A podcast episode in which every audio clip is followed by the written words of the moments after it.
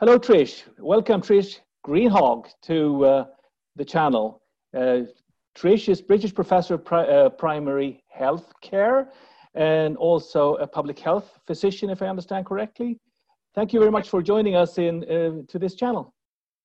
Thanks. Yeah, I, am I trained as a physician actually. I trained as a diabetologist, and then I moved into general practice, specializing in diabetes, and later I trained in public health. And and how long have you been professor of primary care? Um, I've I got my first professorship 20 years ago. Um, I've been here at Oxford about five and a half years. Five and a half years now. You have become very famous around uh, the discussion about using or not using face masks.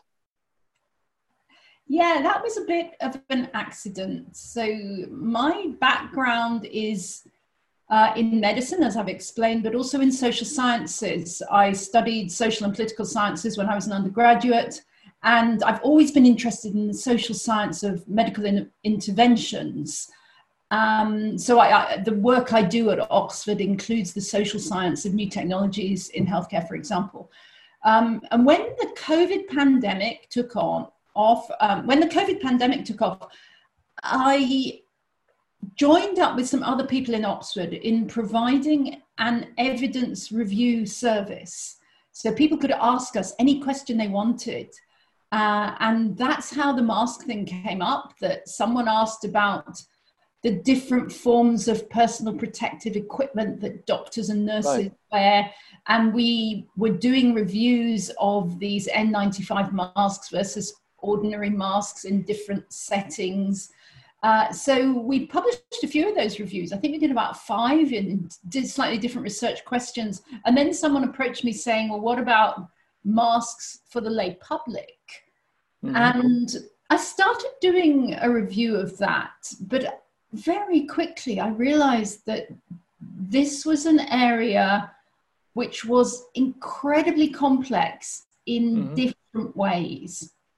Uh, and one of the reasons why it was complex was that, you know, if I if I wear a mask to go to the supermarket, that's not the same as if I wear a mask in my clinic to do a procedure on a patient. And the reason for that is that when I'm wearing the mask in the hospital or clinic setting, the, the kind of framing is infection control. It's about preventing me from becoming infected by a patient, uh, but and the patient may have been brought into hospital with, for example, COVID. Uh, so it's, it's partly about protecting the staff member, but of course it's also about protecting the patient in case the, the staff member has COVID. Uh, now, in the infection control space, it's really, really important to follow strict procedures, to have a mask that meets certain standards, uh, and also to do randomized controlled trials of the effectiveness of masks, uh, both in, in the kind of pure experimental setting, but also in a more pragmatic setting. So that's the infection control space. When you, when you talk about infection control, that's partly virus, but it's also maybe resistant bacteria? Yeah, yeah, of course. And, uh, you know, anything, anything that you might catch from a patient. Now, when we talk about covering the face of lay people in a community setting, uh, that is a different situation. And the reason why it's a different situation is we're not talking anymore about individuals becoming infected. We're talking about the population and the extent to which all of us covering our faces might reduce the the contagiousness of the virus, or I suppose the contagiousness of the virus is going to be north. the transmission of the virus yeah. uh, to others. Now that follows a completely different logic, or at least I think it should follow a different logic. And the logic I would prefer to see applied to face coverings is the logic of home and community hygiene. Now, when I was very young, my mother taught me to take a handkerchief with me when I went to school. Put it in your pocket And if you want to cough or sneeze, or if you feel something coming out of your mouth or nose, you remove the handkerchief and you use the handkerchief and then you put it away. And you don't put the, the handkerchief, well, you don't put the handkerchief on the table. Uh, when the handkerchief is dirty, usually at the end of the day, you put it in the laundry. Uh, you don't use somebody else's handkerchief, you know, all those kind of things. Now, my mother has never been on an infection control course. She doesn't know anything about the science of these things, but she was a good mother and she knew how to teach her children to be clean. Now, I'm quite interested as a social scientist in how the discourse of infection control has dominated uh, in this space, whereas uh, the discourse of basic hygiene, uh, reasonable, clean behavior by citizens has been overshadowed. And I think the reason for this was that almost all the research had been done in a hospital or clinic setting, and it, it, it was very appropriate research. You know, what kind of masks should doctors wear? But, but to try and map that same methodology onto community prevention uh, was, I think, scientifically inappropriate. So that's the first problem with masks. The second problem with masks is that uh, there is, they have been politicized in, to an extraordinary degree. Um, one of the issues in the UK, for example, is that um, masks and face coverings are worn by people in other countries, particularly people in the East. Uh, and, and we in Britain uh, don't have to copy those. So, so there is a big thing with Brexit happening. Britain is going to uh, do its yeah. own thing and it's not going to copy other countries. It's not going to learn from other countries. But also, yeah. the wearing of masks in public places was an Asian thing that Japanese and Chinese yeah. tourists in, in the UK, you know, would, would sort of walk around the museums wearing masks, and we all used to laugh at them before we actually understood what this what the problem was.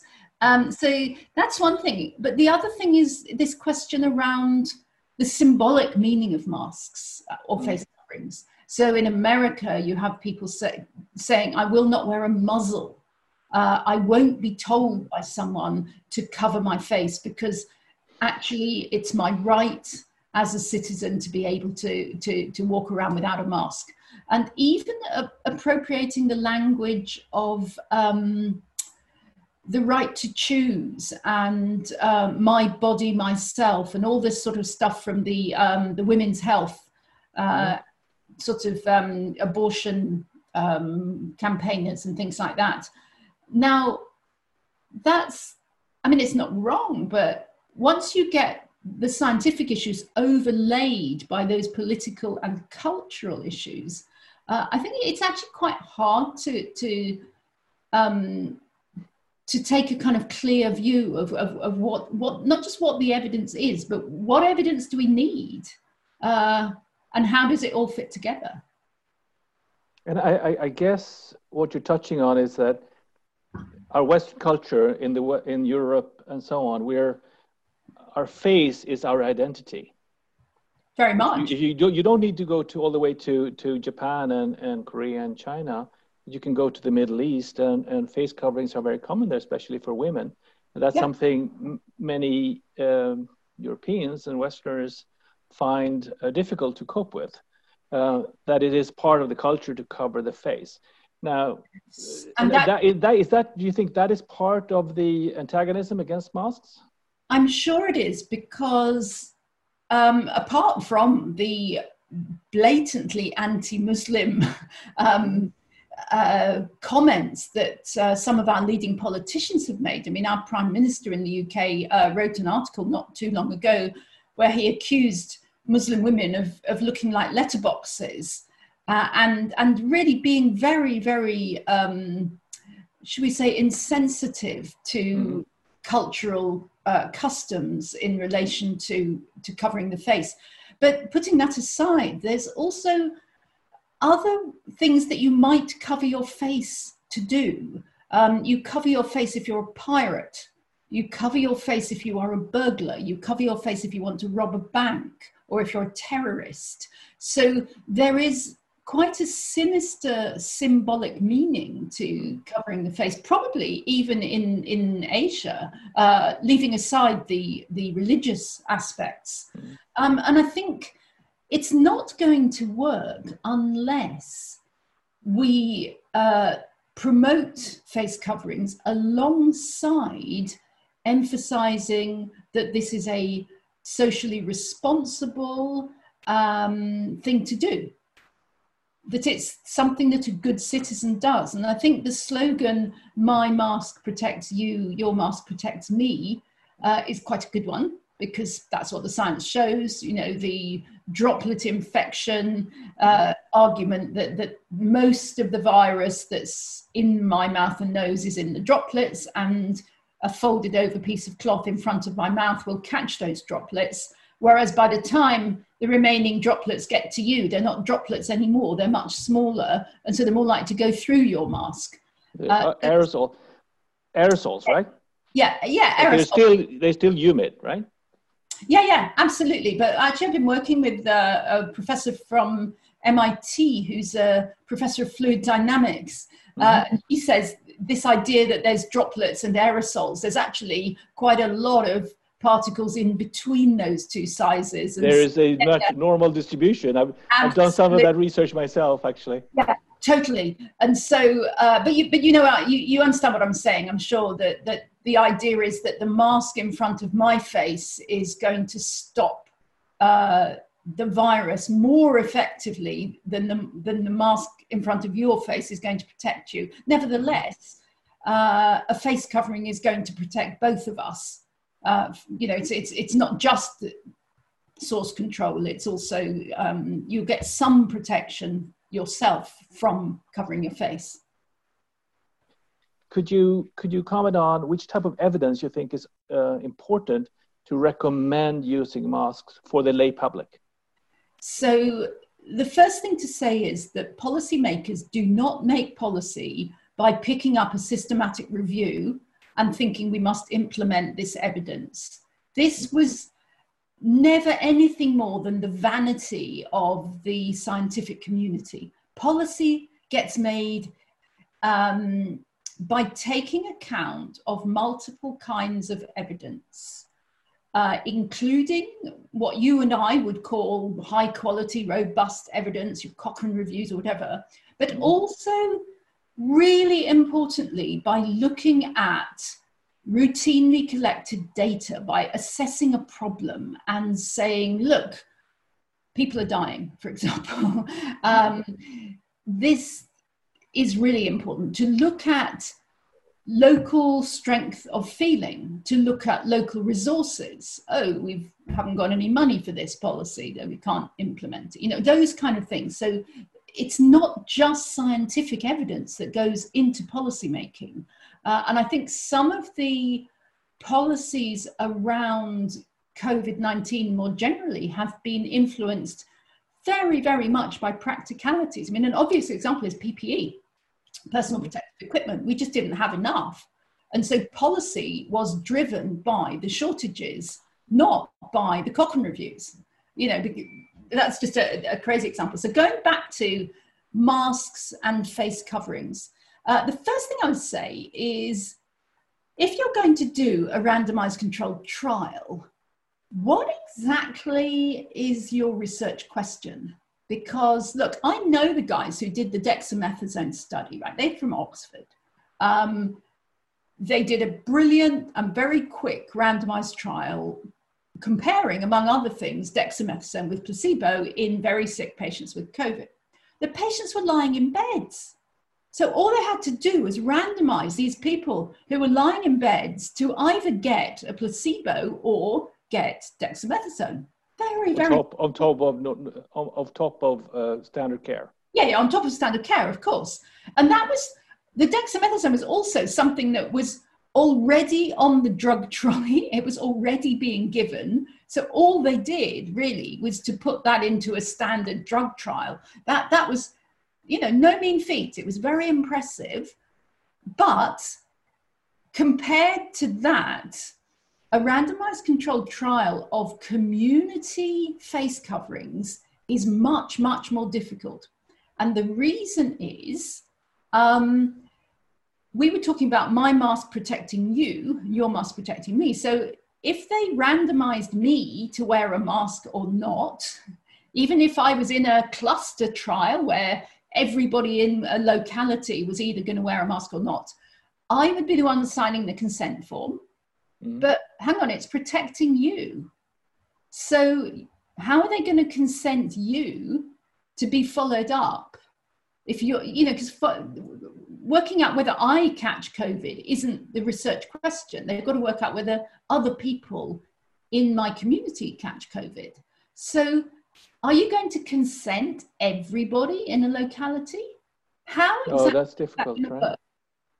If, no, so, so we had a big issue in Sweden in the beginning of the of the pandemic that there weren't enough masks for healthcare workers even, and the storage of of I think the the uh, backup mask storage was burned a few years ago. It was gone.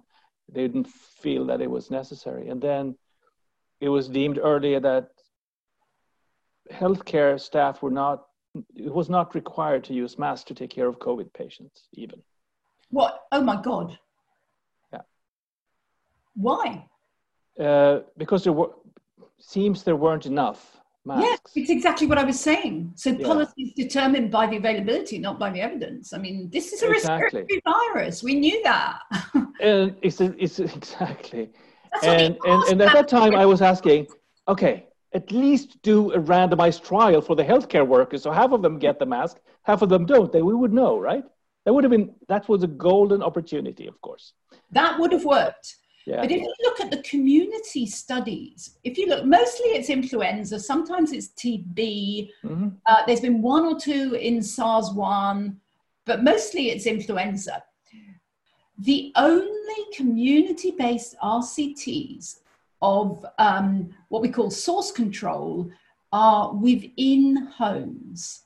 That's the only way you can do it. You can take, uh, they took mainly children. So the child has influenza, and then they give the mask to the parents and to other family members. You can then systematically follow up everybody in the household and you can ask them, Did you wear the mask? Now, what they found with that was that people often didn't wear the masks.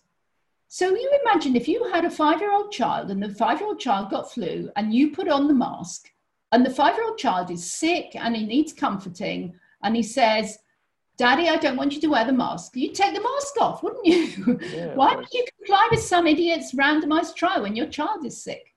So the argument that people don't wear masks reliably in the community, it's been proved by randomized trials, came from a trial in um, households. So hang on, this is crazy. Uh, there's other trials of source control where, where an adult with influenza is the one that's wearing the mask. Uh, and again, there were problems with that. But these studies are not at all relevant to the question of should I wear a face covering when I go to the supermarket or when I go on the bus, mm. because that's a completely different issue. Um, so you asked me what kind of evidence would I be interested in. I mean, the only evidence I'm interested in is ethical evidence. And I don't think it's ethical to start randomizing free living communities to either wearing masks or not wearing masks, because I think there are a lot of basic science arguments in favor of masking. So I don't think an ethics committee would approve a randomized trial, even if it was possible to do. And I don't think it is possible to do uh, because the person you're masking is not the person that you're measuring your primary outcome in. And that's the, that's the problem. Okay, so what other evidence am I interested in? You know, I'm really interested in these fluid dynamics studies.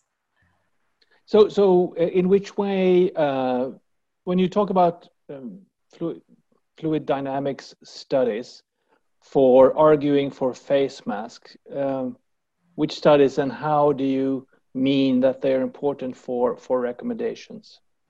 Well, the obvious fluid dynamic studies are the ones where they compare what happens to the droplets when you're wearing a face covering compared to when you're not wearing one. And it doesn't matter too much what you put in front of your face. You can put a piece of paper in front of your face. You can put an old t-shirt in front of your face. Or a handkerchief. A handkerchief in front of your face, etc. Um, the amount of droplets that come out and travel into the air goes down dramatically. Uh, now, people will say, well, then maybe there's it only reduces it by 95% or 90%. What about the other 5 or 10%?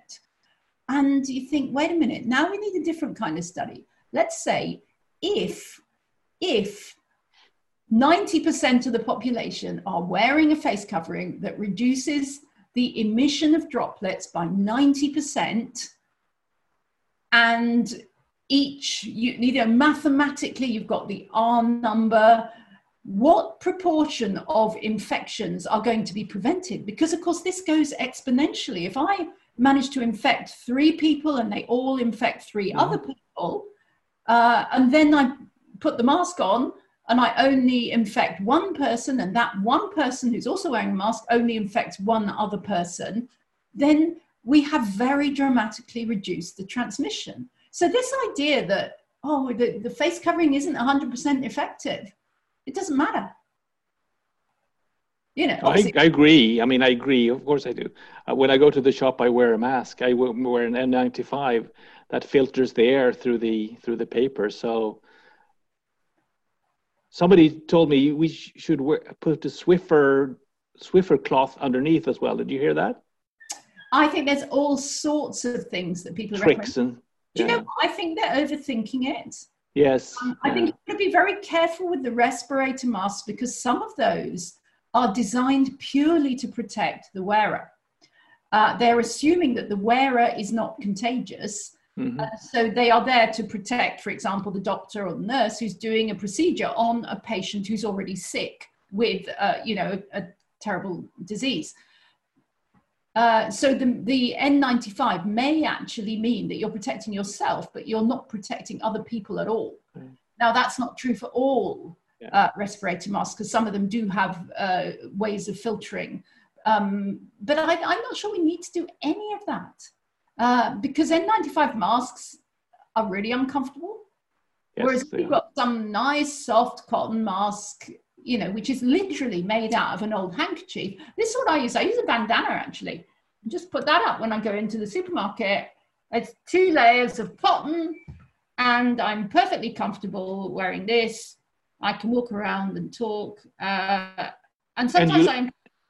And Trish, you look cool as well. Yeah, I look really cool, don't I? In fact, yes, you do. The, the other day, it's really funny because these are from these are just from Buff. You know, that that we I have them a lot because I do a lot of sport, and uh, yeah. I decided I needed some more of these things, and so I I got on, and they were th- there was a special offer. You could buy three, and um, so I bought three. And then my husband said, "Oh, what have you ordered?" I said, "Oh, I've just ordered some new buffs because I have to keep wearing them to go off to the supermarket and things." He said, "Well, I want some more." So here you go. I said, Oh, sorry, I could have ordered you some. He said, No, don't worry. So he got on to Buff and he ordered three. Uh, and one of them was identical to this one. So out of thousands and thousands of them, my husband and I both chose the same one. yeah, there you go. So, another level of evidence that I, I, I, personally look into as well is is epidemiology, mm-hmm. uh, or comparing countries, for example, and you mentioned Japan, Taiwan, South Korea. South Korea never closed down. Yeah, South yeah. So um, freezing, I mean, and they put on masks on everyone, right? Or recommended masks. They didn't even force them, but ninety yeah. percent of the people did. So, what do you think of epidemiological evidence for this sort of uh, advice? Well, epidemiology is actually a, quite a broad science. Um, yes. So I would call these natural experiments. Mm-hmm. Um, so what you're looking at is what did people do, um, and did it work? So you exactly. you, haven't, you haven't really experimented on anyone. You know, you're just following what happened, following the story. Now, I've done a lot of work in what we call case study, and in fact, I've just got some funding from the um, some public funding in the COVID emergency response in the UK to do um, case studies of different localities in uh, England and Scotland and Wales, actually, to see how a particular aspect of the response unfolded in particular settings. And there are problems with uh, that kind of work because you're not controlling for stuff. You know, you can't control for stuff because that's not the design. So, what you then have to do is tell a very detailed story and interrogate that story uh, with all the counterfactuals and the what ifs. So, so, so, of course, all the Asian countries, or almost, I think all of them, uh, introduced masks very early, either as policy, uh, you know, mandated masking, or because actually people were very keen on it. In Taiwan, um, the public were really keen on it. So, so the Asian countries introduced them, uh, but places like, you know, America, many parts in Europe uh, did not. But of course, there are many other differences between a- the Asian countries and the West. So people say, well, you can't be sure that it was due to the masks. Uh, and that's true. You can't be 100% sure because it wasn't a controlled experiment. But of course, what you can do uh, is use statistical techniques.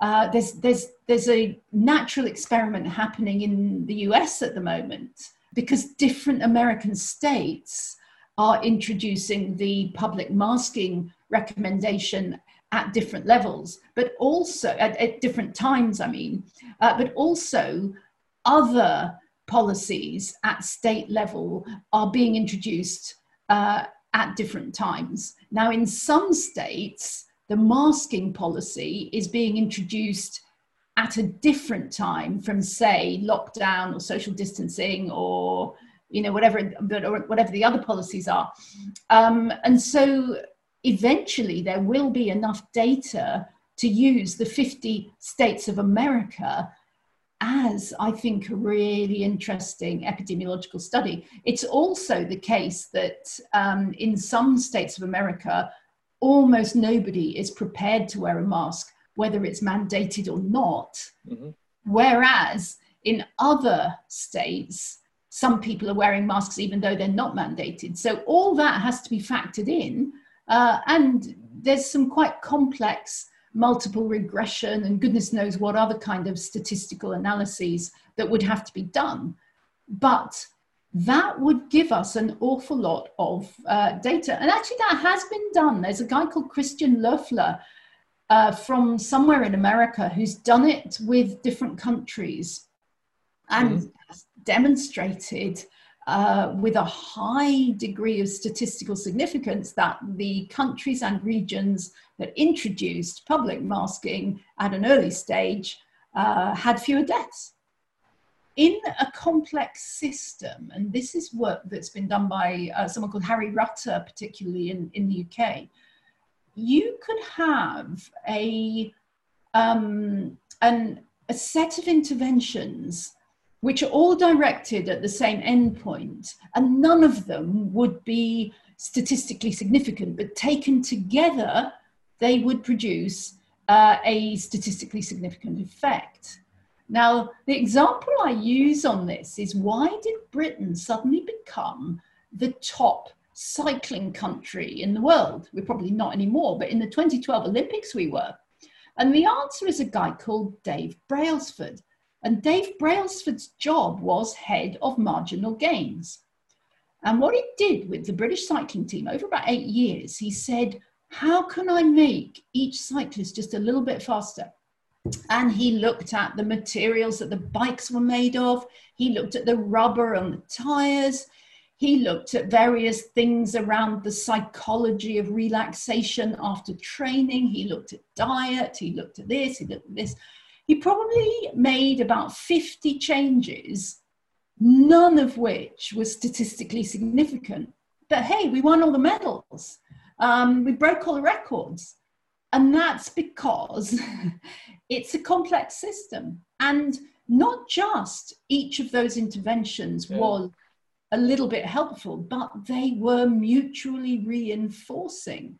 So if the athlete had better sleep mm-hmm. And they had a nicer bike, then they would race even faster. See what I mean? Uh, and someone said to me recently, you can't measure what happens in COVID in calendar time. You have to measure it in event time. So, you know, when will we be able to come out of lockdown? It's not mm-hmm. in three weeks' time. It's when the R value goes below a certain amount or whatever. Yeah. Uh, and we don't know when that will be. Now, I do like modeling studies. I don't really understand them. I can't do them. But uh, so particularly things like agent-based modeling, where they're looking at the, they're, they're kind of taking everyone as an individual, but they're saying, well, you know, what are the influences on this individual's decision making, and what would happen if this individual behaved like that? And actually, we don't know whether that individual is going to behave in a particular way. But if we said if there's a thousand of them, um, statistically speaking, maybe 30% will behave in that way. And so we can feed that into the model. Uh, mm-hmm. and that's, that I think is quite interesting. And it's a different kind of science. I'll tell you a story. I, a few years ago, I went off to, um, to run a marathon. And I thought at the beginning of this marathon, I wonder who the race doctor is. I'd like to know who the race doctor is in case I get sick. And so I wandered along to the medical tent, and it was a friend of mine. And I said, Oh, hello, um, you're the race doctor. She said, Yeah, yeah, I'm looking forward to it. I said, But you're a public health doctor. You wouldn't, you wouldn't know what to do if one of us collapsed. And she said, No, but I would know what to do if a thousand of you all collapsed at the same time. and I thought, Yeah, the public health the public health intervention is at a different level. Mm-hmm. I was not I was not reassured, I have to say, but you get the point I'm making. Yeah, she she sees to it that everybody gets enough um, water or liquid to drink and so on. Right. That, that she would dis- she was she was thinking, are there enough drinks at the drink stations? Are there enough ambulances in the places where people are likely to collapse? Mm-hmm. You know, it's somebody else's problem. Is how you how do you do the CPR? Whatever. Mm-hmm. Anyway, I have a few prepared questions. I might ask those as well. Yeah. So uh, there are claims that uh, wearing a mask may increase the risk of virus infection because you're fiddling with a mask or you're not distancing yourself sufficiently towards other. What's the evidence of those arguments being uh, being correct? The you said it may it may increase harm, you know, it may increase risk. Um, there's absolutely no evidence that it does increase risk. So, mm. so, these are what I've called straw men. I wrote a paper called Laying Straw Men to Rest. Mm, uh, I, I read it. Yeah. So I'm fascinated by this, this thing about, oh, yes, if you're wearing a mask, you're more likely to touch your face. Um, it's not true. That when they've, when they've looked at people who are wearing face coverings, they actually touch their face less, especially if the mask fits them and it's comfortable. Mm-hmm. Um, people touch their faces a lot when they're not wearing a mask. I'm always doing this. um, if, I, if I have a mask on, I'm less likely to touch my face. But the other thing is that there's actually been some rather interesting work. Uh, now, who was it? I think there's a guy in America. Uh, it might not have been America. He's obviously a bit of a geek, and he designed some kind of piece of software for his phone that that uh, detected how far away everybody else was. So he got his friends to wear these these phones or these gadgets. Maybe it wasn't on the phone, uh, so that he could then determine how close people came to him. And then some of the time he wore a mask and some of the time he didn't. And he demonstrated that if he was wearing a mask, people actually stayed away from him more. And what's more, he stayed away from other people if they were wearing a mask. So, subtly, subconsciously, we socially distance more from people who are wearing a mask. And I think it's probably because at a subconscious, subliminal level, you sort of think there must be something wrong with them if they're wearing a mask, you know? Um, mm-hmm. They must be infectious. That's why they're wearing the mask or or maybe you, you think they're a pirate i don't know Uh, but yeah. there's absolutely no evidence that people uh, people uh, reduce the social distancing. There is evidence, though, from another study that if you require people to, to wear masks or face coverings, they are more likely to go out shopping, they're more likely to go on public transport, they're more likely to go back to work. But that's precisely why you've asked them to do it. You know, if you're staying at home in lockdown, you don't need to wear a mask.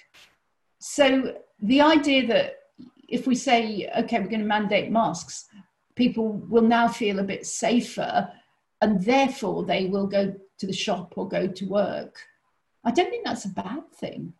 Unless no, it's want, a good thing, yeah, of course. Yeah, unless you want people to stay at home forever. But then you didn't lock down in Sweden, so you haven't got this problem that the whole economy ground to a halt. Well, we actually do because I've been in my summer house now for more than 100 days. Oh, okay. Uh, yeah. and and the universities closed down and and we were working oh, from home yeah. training from home I, I have my meetings on zoom and oh okay so uh, you've got, you've got all the same problems as we have I, I I, I read that Sweden had managed to not close down as much. Okay. So you were you were saying I'm coming back to an interesting. I, I find it interesting, and I I've learned something over these three four months that it seems that singing or noise, or people making noise or or being loud, spreads virus more. You had the event in Liverpool, the football match, right? Oh yeah, football. We have to fit football in here somehow. Yeah, and and of course people are are cheering and loud, and when they use their larynx, and we have these small droplets that come out uh, and and distribute broadly.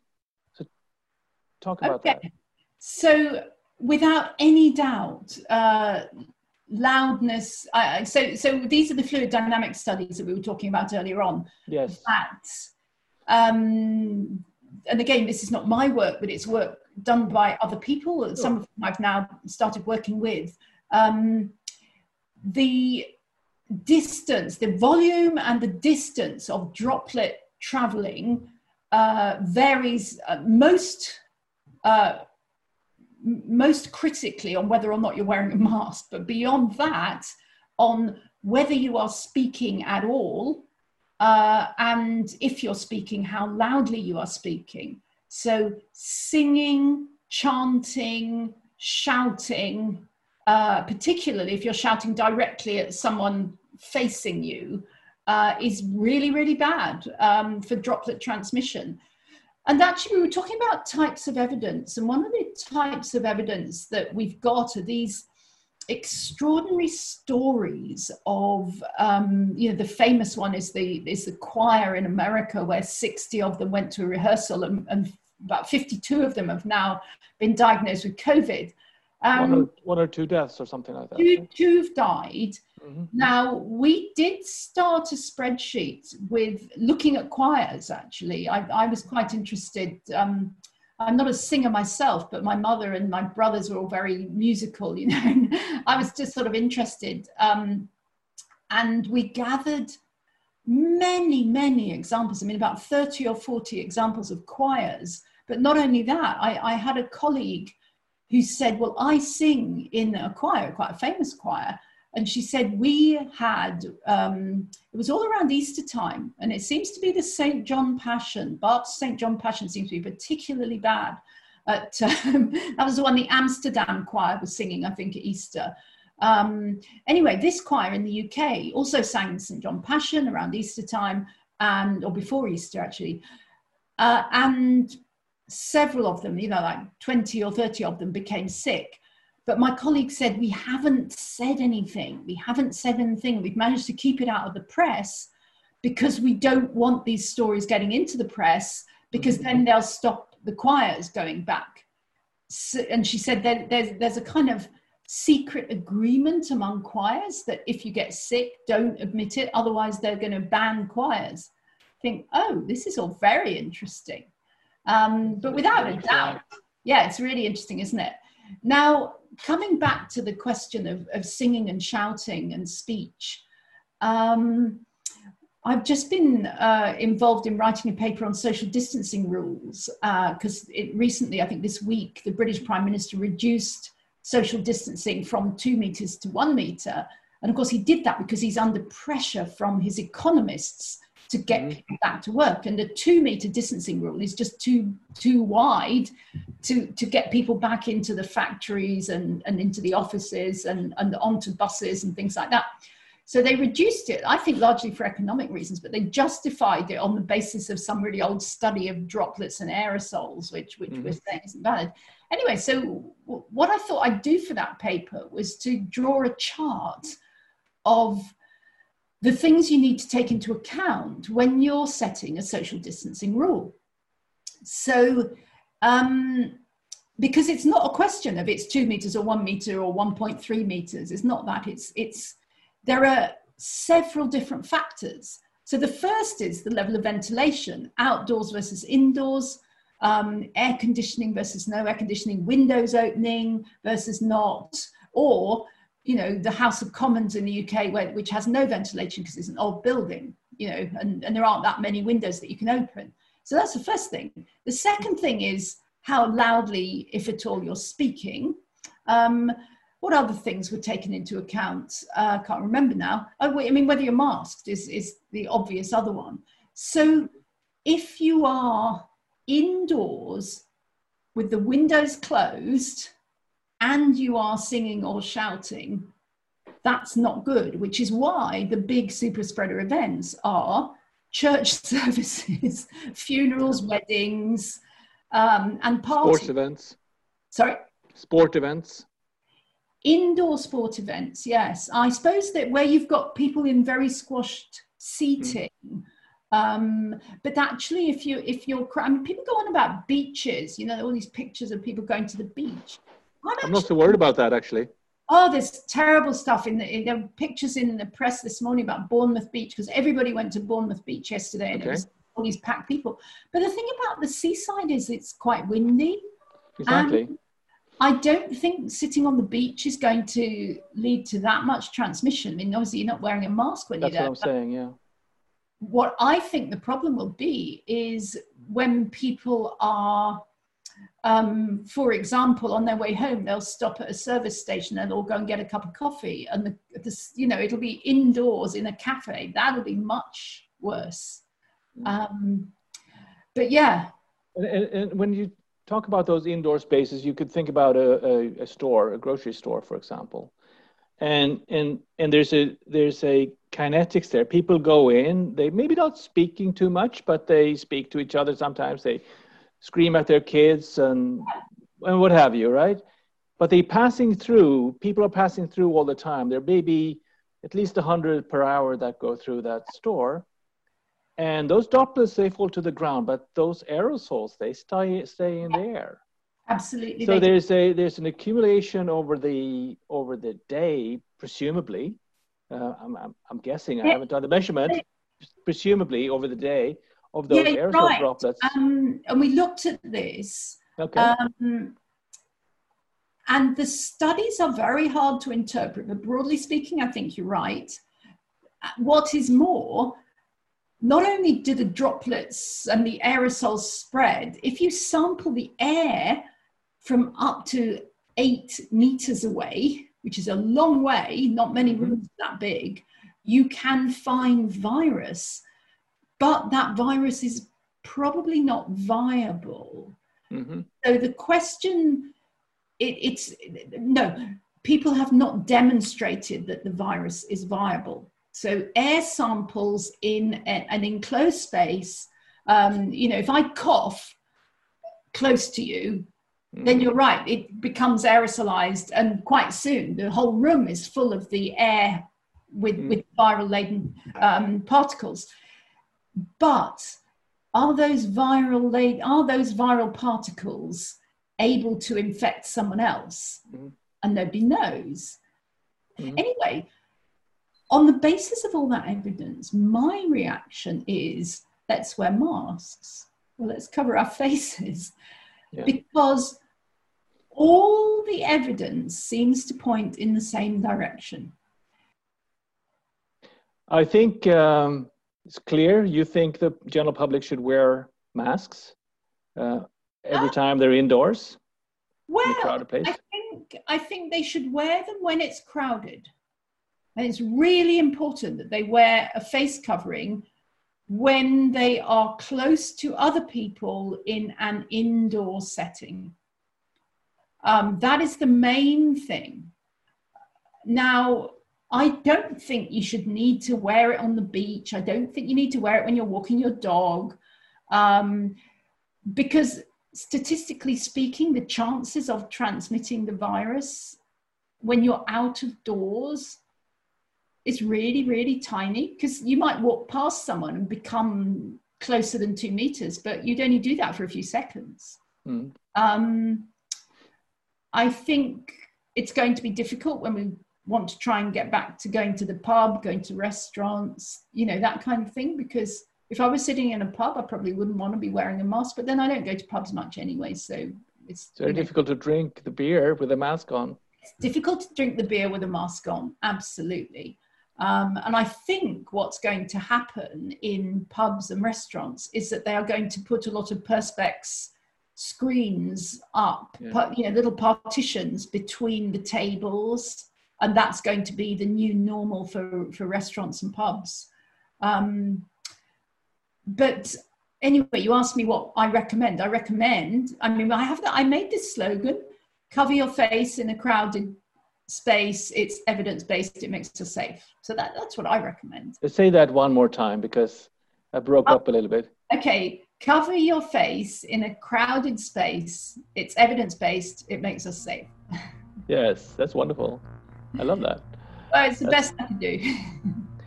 so we've been speaking now for one hour and seven minutes, or even longer than that. It's been a great pleasure. Thank you very much, Trish, for joining the channel and and for this uh, discussion. Really enjoyed it. Thank you so much.